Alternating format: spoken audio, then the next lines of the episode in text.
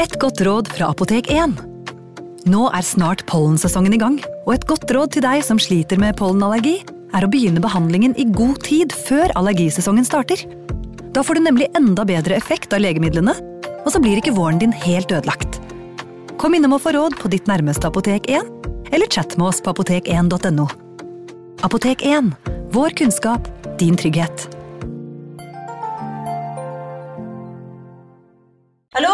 Jeg kommer fra Oslo politikammer.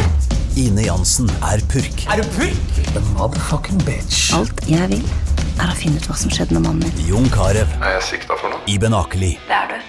Ole So, Lars Berrum og Big Daddy Karsten. Hvem sin side er du på, egentlig? Anette Hoff, Tone Danielsen, Kommer du fra Afrika? Jørnis Josef, Nesten. Kløfta. Trond Espen Seim, Det er synd å si det, men det var feil mann som døde. Purk. Premiere tirsdag på TV2 Play. Ungsamtalen fra DNB er økonomisk veiledning tilpasset deg som er ung. Bokk en ungsamtale på dnb.no. slash ung. Det er kjempebra hvis du skal inn på boligmarkedet, hvis det er drømmen din, liksom. Det er det du skulle sagt. Og så kunne du ropt litt mer, da, sånn som jeg gjorde. Bam! Advarsel. Denne podkasten inneholder skildringer av ekte drap og kriminalsaker som kan være støtende for enkelte. Det advares også mot sterke inntrykk i deler av episoden. Klokken hadde bikket tre natt til 1. juli 1981, men i Wonderland Avenue i Laurel Canyon i Los Angeles var det alt annet enn nattero. Det var likevel ingenting uvanlig med det. Beboerne i de smale treetasjeshusene i den bratte gaten var vant til støy og bråk på nattestid. Omtrent midt i Wonderland Avenue lå et hus som fra utsiden lignet alle de andre. Fra gateplan kunne man gå rett inn i en carport. Langs den høyre siden gikk en liten trapp opp til inngangsdøren i andre etasje. To mellomstore balkonger i andre og tredje etasje pekte ut mot veien, som var svakt opplyst av gatelykter. Det var fra dette huset det vanlige støyet kom fra. Beboerne i gaten visste godt at menneskene som bodde der, ikke var som alle andre. Det tilhørte Ron Lonius og de andre fire medlemmene i Wonderland-gjengen. Alle var klar over hva som foregikk der inne. Wonderland-gjengen var beryktet i området som noen av de farligste kokainlangerne i Los Angeles. Det var rett og slett ikke uvanlig å høre roping, skriking og feststøy fra Wonderland-gjengens hus. De fleste hadde bare innfunnet seg med det og sov greit gjennom natten. Natt til 1. juli, derimot, var det flere som hadde våknet av uvanlig skremmende lyder fra huset. Skrikene var fryktinngytende og hadde fortsatt i timevis. Likevel var det ingen som våget seg bort til vinduet for å se hva som foregikk. Om de hadde det, ville de kanskje sett en langhåret ung mann med en fyldig bart som sto og trippet nervøst utenfor huset. Noen ville kanskje til og med kjenne ham igjen, selv om ytterst få ville innrømmet det. Utenfor Wonderland-gjengens hus sto nemlig den avdankede pornostjernen John Holmes og gløttet inn hoveddøren. Imens fortsatte de grusomme skrikene som aldri så ut til å ta slutt. Velkommen til True Crime-podden.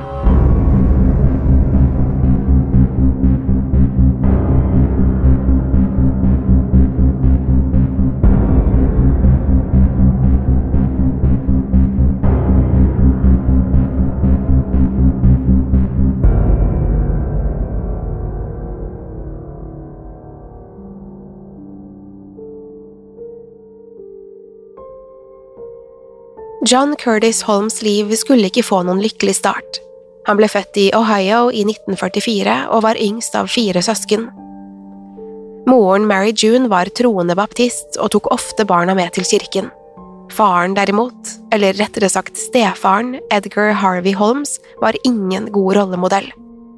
Han var alkoholiker og kom ofte sent hjem om natten, full og ravende. Johns virkelige far, en jernbanearbeider ved navn Carl Estes, var ikke engang nevnt i Johns fødselsattest. Den turbulente hjemmesituasjonen ble snart for mye for unge John, som stakk av og meldte seg til tjeneste i hæren ved første anledning. Innen han var 18, hadde han likevel dimittert og reist til drømmene og mulighetenes by Los Angeles. Den unge, slanke gutten med en mopp av brune krøller var ennå uskyldig av seg. På grunn av stefarens alkoholisme hadde han ikke rørt alkohol eller narkotika, og hadde heller ingen planer om å gjøre det. Likevel, som det ofte er, skulle storbyen snart forandre den naive og likeglade gutten. I Los Angeles skulle John ta på seg en rekke strøjobber, deriblant som dørselger og ambulansesjåfør. Det var i den siste jobben at han i desember 1964 møtte sykepleieren Sharon Gebenini. De to fant straks tonen og skulle gifte seg i august 1965. Paret slo seg ned i utkanten av byen, og mye tydet på at de ville få et rolig og begivenhetsløst liv sammen. Det var helt til en dag i 1968 da Sharon kom hjem og fant John på badet, naken og med et målebånd i hendene. Da Sharon ville vite hva John holdt på med, holdt han stolt målebåndet opp og sa at han hadde målt seg til 33 centimeter under beltet.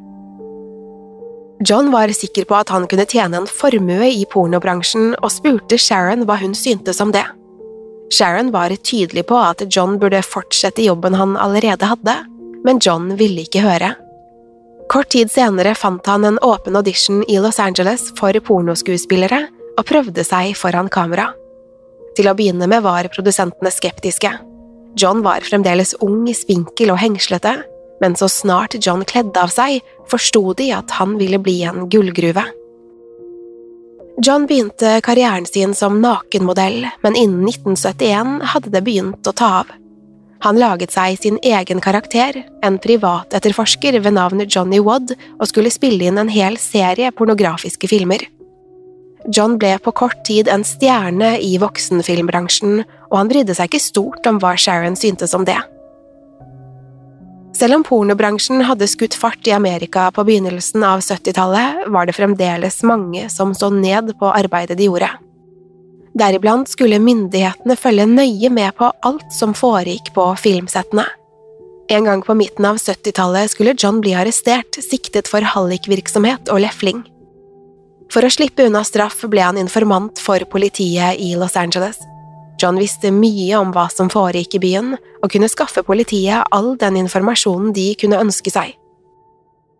Om dagen spilte han inn nye pornografiske filmer, og om kvelden matet han politiet med informasjon.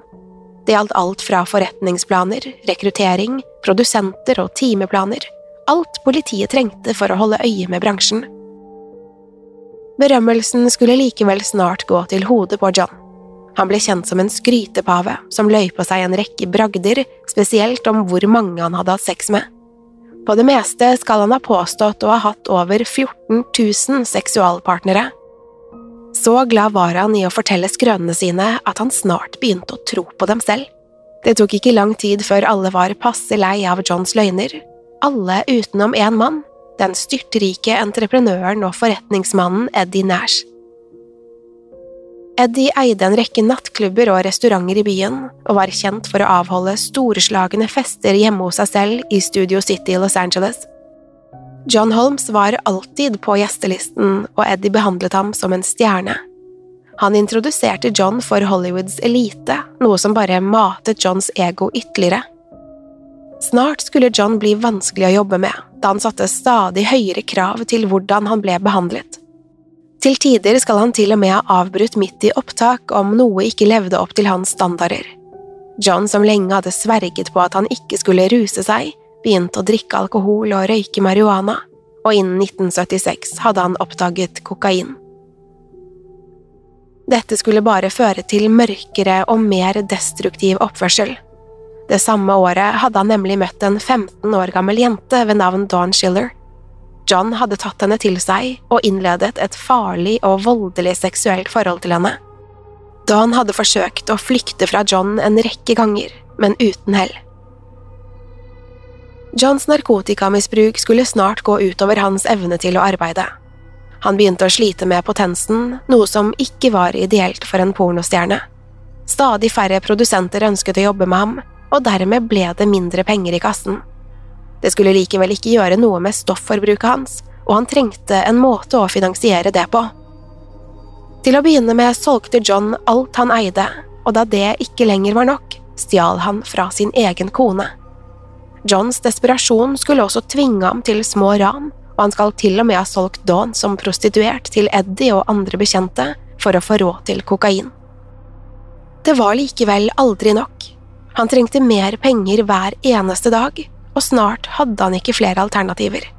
Han skyldte penger til en rekke farlige mennesker, deriblant den notoriske Wonderland-gjengen. Banden som kalte seg Wonderland-gjengen, var en gruppe på fem medlemmer som solgte kokain i Los Angeles på 70- og 80-tallet. Tross omdømmet som en av de farligste gjengene i byen på den tiden, var ikke alt som det skulle innad. De holdt til hjemme hos et av medlemmene, Joy Miller, i Laurel Canyon, og flere av dem slet selv med narkotikaavhengighet. På begynnelsen av 80-tallet holdt forretningen deres på å bryte sammen. John var ofte i huset for å kjøpe kokain. Med årene hadde han blitt en gjenganger der, og så lenge han hadde penger til å handle med, lot de ham være. Problemene oppsto da John begynte å skylde dem penger. Uten en stødig inntekt hadde han ikke lenger mulighet til å betale tilbake, noe Wonderland-gjengen kunne dra nytte av. I slutten av juni 1981 hadde gjengen kontaktet John og bedt han om en tjeneste. Om han gjorde som de sa, ville gjelden hans bli slettet. Det var en enkel oppgave også, for alt John trengte å gjøre, var å reise til et spesifikt hus og sørge for at dørene forble ulåst. Wonderland-gjengen planla et ran, og John skulle til og med få en del av utbyttet. John syntes det hørtes ut som en grei avtale, og spurte hvem sitt hus han skulle oppsøke. Svaret fikk blodet til å fryse til is i årene hans. Wonderland-gjengen planla å rane huset til Johns egen kamerat, Eddie Nash. John var skeptisk, men sa han skulle tenke over saken.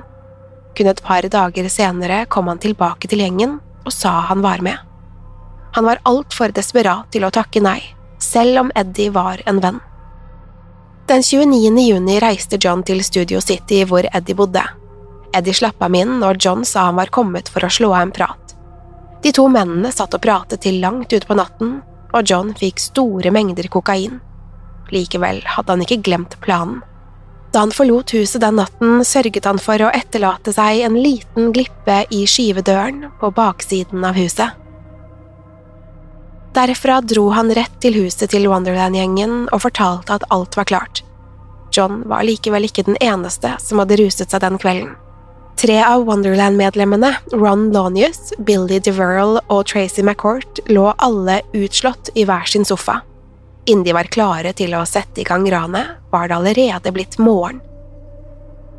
Da gjengen parkerte utenfor Eddies hus, var det lyst, og hvem som helst kunne ha sett dem fra vinduene omkring.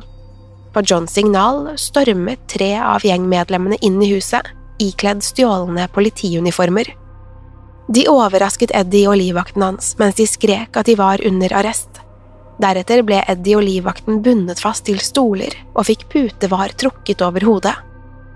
Wonderland-gjengen var på ingen måte noen mestertyver. De famlet rundt i huset på leting etter noe å stjele, og på et tidspunkt hadde en av dem avfyrt pistolen sin ved et uhell Skuddet hadde sneiet livvakten i ryggen og vekket hele nabolaget.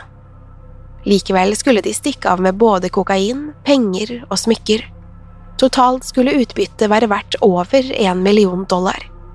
Da gjengen kom tilbake til hovedkvarteret, tok John sin del av byttet og forsvant. Tilbake i Studio City var Eddie rasende. Han ante ikke hvem som hadde ranet ham, men han sverget på at han skulle ta hevn, koste hva det koste ville. I to dager prøvde han å finne ut hvem tyvene var, uten hell. Det var helt til Eddies livvakt støtte på John Holmes i byen med en av Eddies stjålne ringer på fingeren. Eddie reiste straks for å konfrontere John og presset ham til å fortelle alt sammen. Han truet til og med å skade Johns kone Sharon om han ikke sa hvem ranerne var. John var ikke vanskelig å knekke, og snart hadde han fortalt alt om Wonderland-gjengen og planen de hadde gjennomført. I Wonderland-gjengens hovedkvarter i Laurel Canyon hadde natten falt på. De hadde godtet seg over ransutbyttet i to dager, men var ikke klar over at John hadde avslørt dem for Eddie. Dermed var det ingen som var forberedt da døren til huset ble sparket inn rundt klokken tre. Et voldsomt leven fra huset den natten skulle vekke et par av naboene. Likevel var det ikke uvanlig at Wonderland-gjengen holdt nabolaget oppe om natten, så ingen innså den virkelige faren. Det var ikke før tolv timer senere at noen endelig svelget i seg samvittigheten og ringte politiet. Kvinnen som hadde kontaktet politiet, hadde gått forbi huset den morgenen og hørt en stemme rope etter hjelp. Betjentene som møtte opp, takket kvinnen for tipset og sendte henne hjem før de gikk inn i huset. Ingenting kunne forberedt dem på det grusomme synet som ventet innenfor. På gulvet i stuen lå fire kropper, urørlige og fullstendig ugjenkjennelige.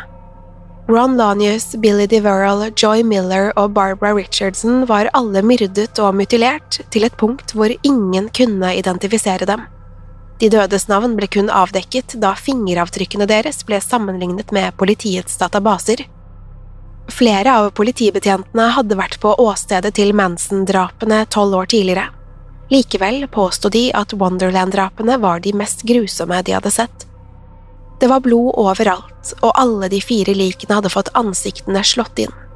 Det verste skulle likevel være skrikene fra et femte offer, Susan Lanius, som på mirakuløst vis fremdeles var i live. Hun lå krøllet sammen i et hjørne med alvorlige hodeskader og en avhugget finger. Der hadde hun ligget i hele tolv timer og ropt etter hjelp. Uten et eneste spørsmål ble Susan hastet til sykehuset mens politiet gjennomsøkte huset.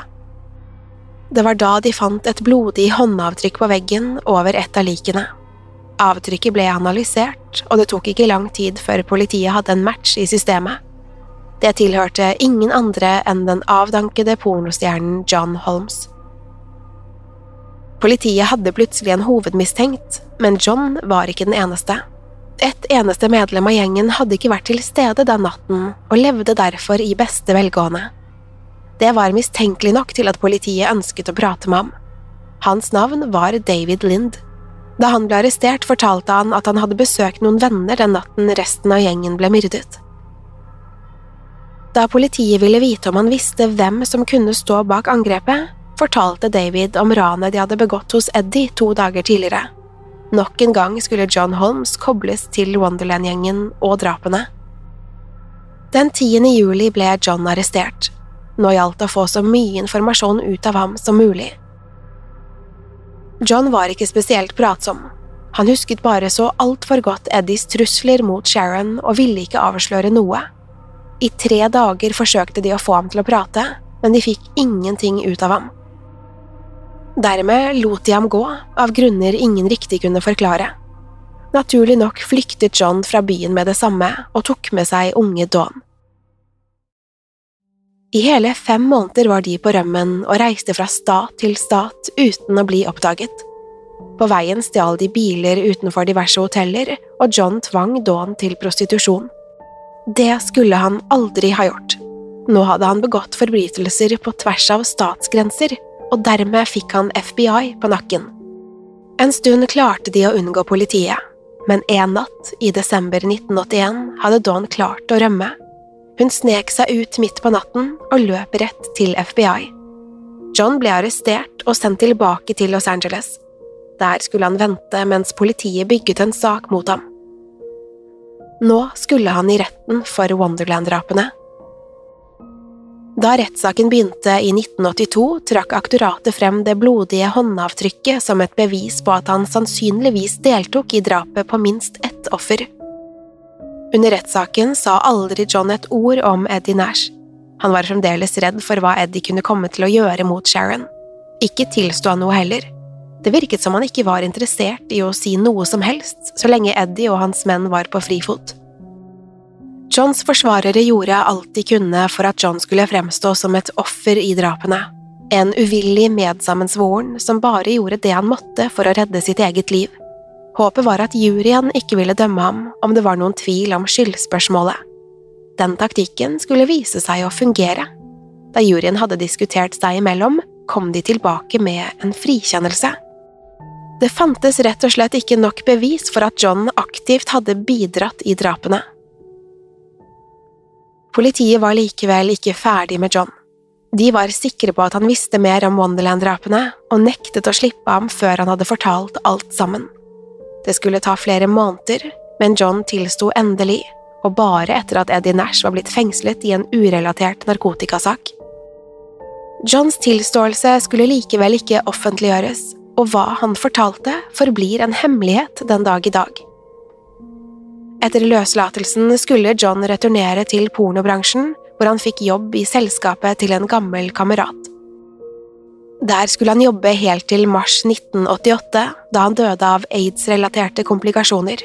John Holmes ble 43 år gammel. Det var ikke før etter Johns død at Sharon skulle stå frem med informasjonen hun hadde sittet på i mange år. Til en avis hadde hun fortalt at John tilsto til henne lenge før han ble arrestert. Ifølge John hadde han ledet Eddie Nash menn til Wonderland-gjengens hus den natten. John, som kjente huset godt, hadde sluppet dem inn og stått og sett på mens mennene myrdet de fire gjengmedlemmene. Sharons tilståelse var likevel bare den første av en rekke puslespillbrikker som måtte på plass. En mann ved navn Scott Thorson satt fengslet for et annet lovbrudd, men kunne fortelle at han pleide å kjøpe kokain fra Eddie Nash. Han påsto at han hadde vært i Eddies hus i dagene etter ranet. Scott sa Eddie hadde vært rasende, og at han sverget på å få sin hevn. Dette var ikke noe bevis for at han hadde beordret drapet på Wonderland-gjengen, men allikevel nok for politiet til at de kunne arrestere Eddie og en av hans menn, Gregory Diles, i 1990. Begge ble siktet for Wonderland-drapene og stilt for retten, men sakene skulle ende i frifinnelser. I Edis første rettssak hadde juryen vært delt. Av tolv jurymedlemmer hadde elleve stemt for at Eddie var skyldig, mens én hadde bedt om frifinnelse. I ettertid skulle det komme frem at Eddie hadde bestukket det siste jurymedlemmet. Politiet skulle likevel aldri glemme Wonderland-drapene. De ville ha Eddie bak lås og slå, koste hva det koste ville. I 2000 ble Eddie derfor arrestert igjen, denne gangen siktet for narkotikasmugling og hvitvasking av penger, samt planlegging av drapene i Wonderland-huset. Til slutt skulle Eddie Nash bli funnet skyldig og satt fengslet i fire og et halvt år. I tillegg fikk han en bot på 250 000 dollar. Eddie tilsto da å ha bedt noen av mennene sine om å hente verdiene gjengen hadde stjålet, men nektet for at han hadde planlagt noe drap. Det skulle bli slutten på den beryktede saken om Wonderland-drapene. Hva den egentlige sannheten er, vil vi sannsynligvis aldri få svaret på. Likevel sitter de fleste igjen med en ganske grei idé om hva som skjedde den natten i 1981. Fra bevisene og vitnesbyrdene er politiet relativt sikre på at Eddie Nash enten bestilte drapene eller begikk dem selv. Han hadde både motiv og anledning, spesielt med tanke på koblingen hans til John Holmes. Wonderland-drapene har fått mye oppmerksomhet i årenes løp både på grunn av brutaliteten i mordene og fordi de ikke offisielt er oppklart. I etterkant av drapene ble selve ofrene et diskusjonstema. Wonderland-gjengen var narkotikasmuglere, tyver og stoffmisbrukere, noe som plasserte dem lavt på den sosiale rangstigen, i alle fall for de aller fleste. Likevel er det ikke til å komme unna at fire mennesker ble brutalt og nådeløst myrdet. Ofrene i Wonderland-saken var kanskje kriminelle, men ikke noe mindre mennesker av den grunn. Natt til 1. juli 1981 ble de massakrert i sitt eget hjem, og de skyldige har aldri blitt dømt.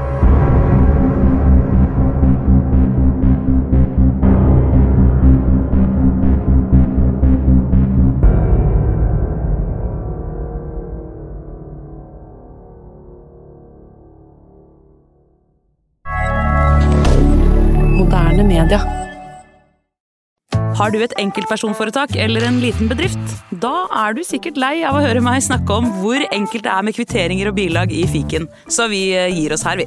Fordi vi liker enkelt. Fiken superenkelt regnskap.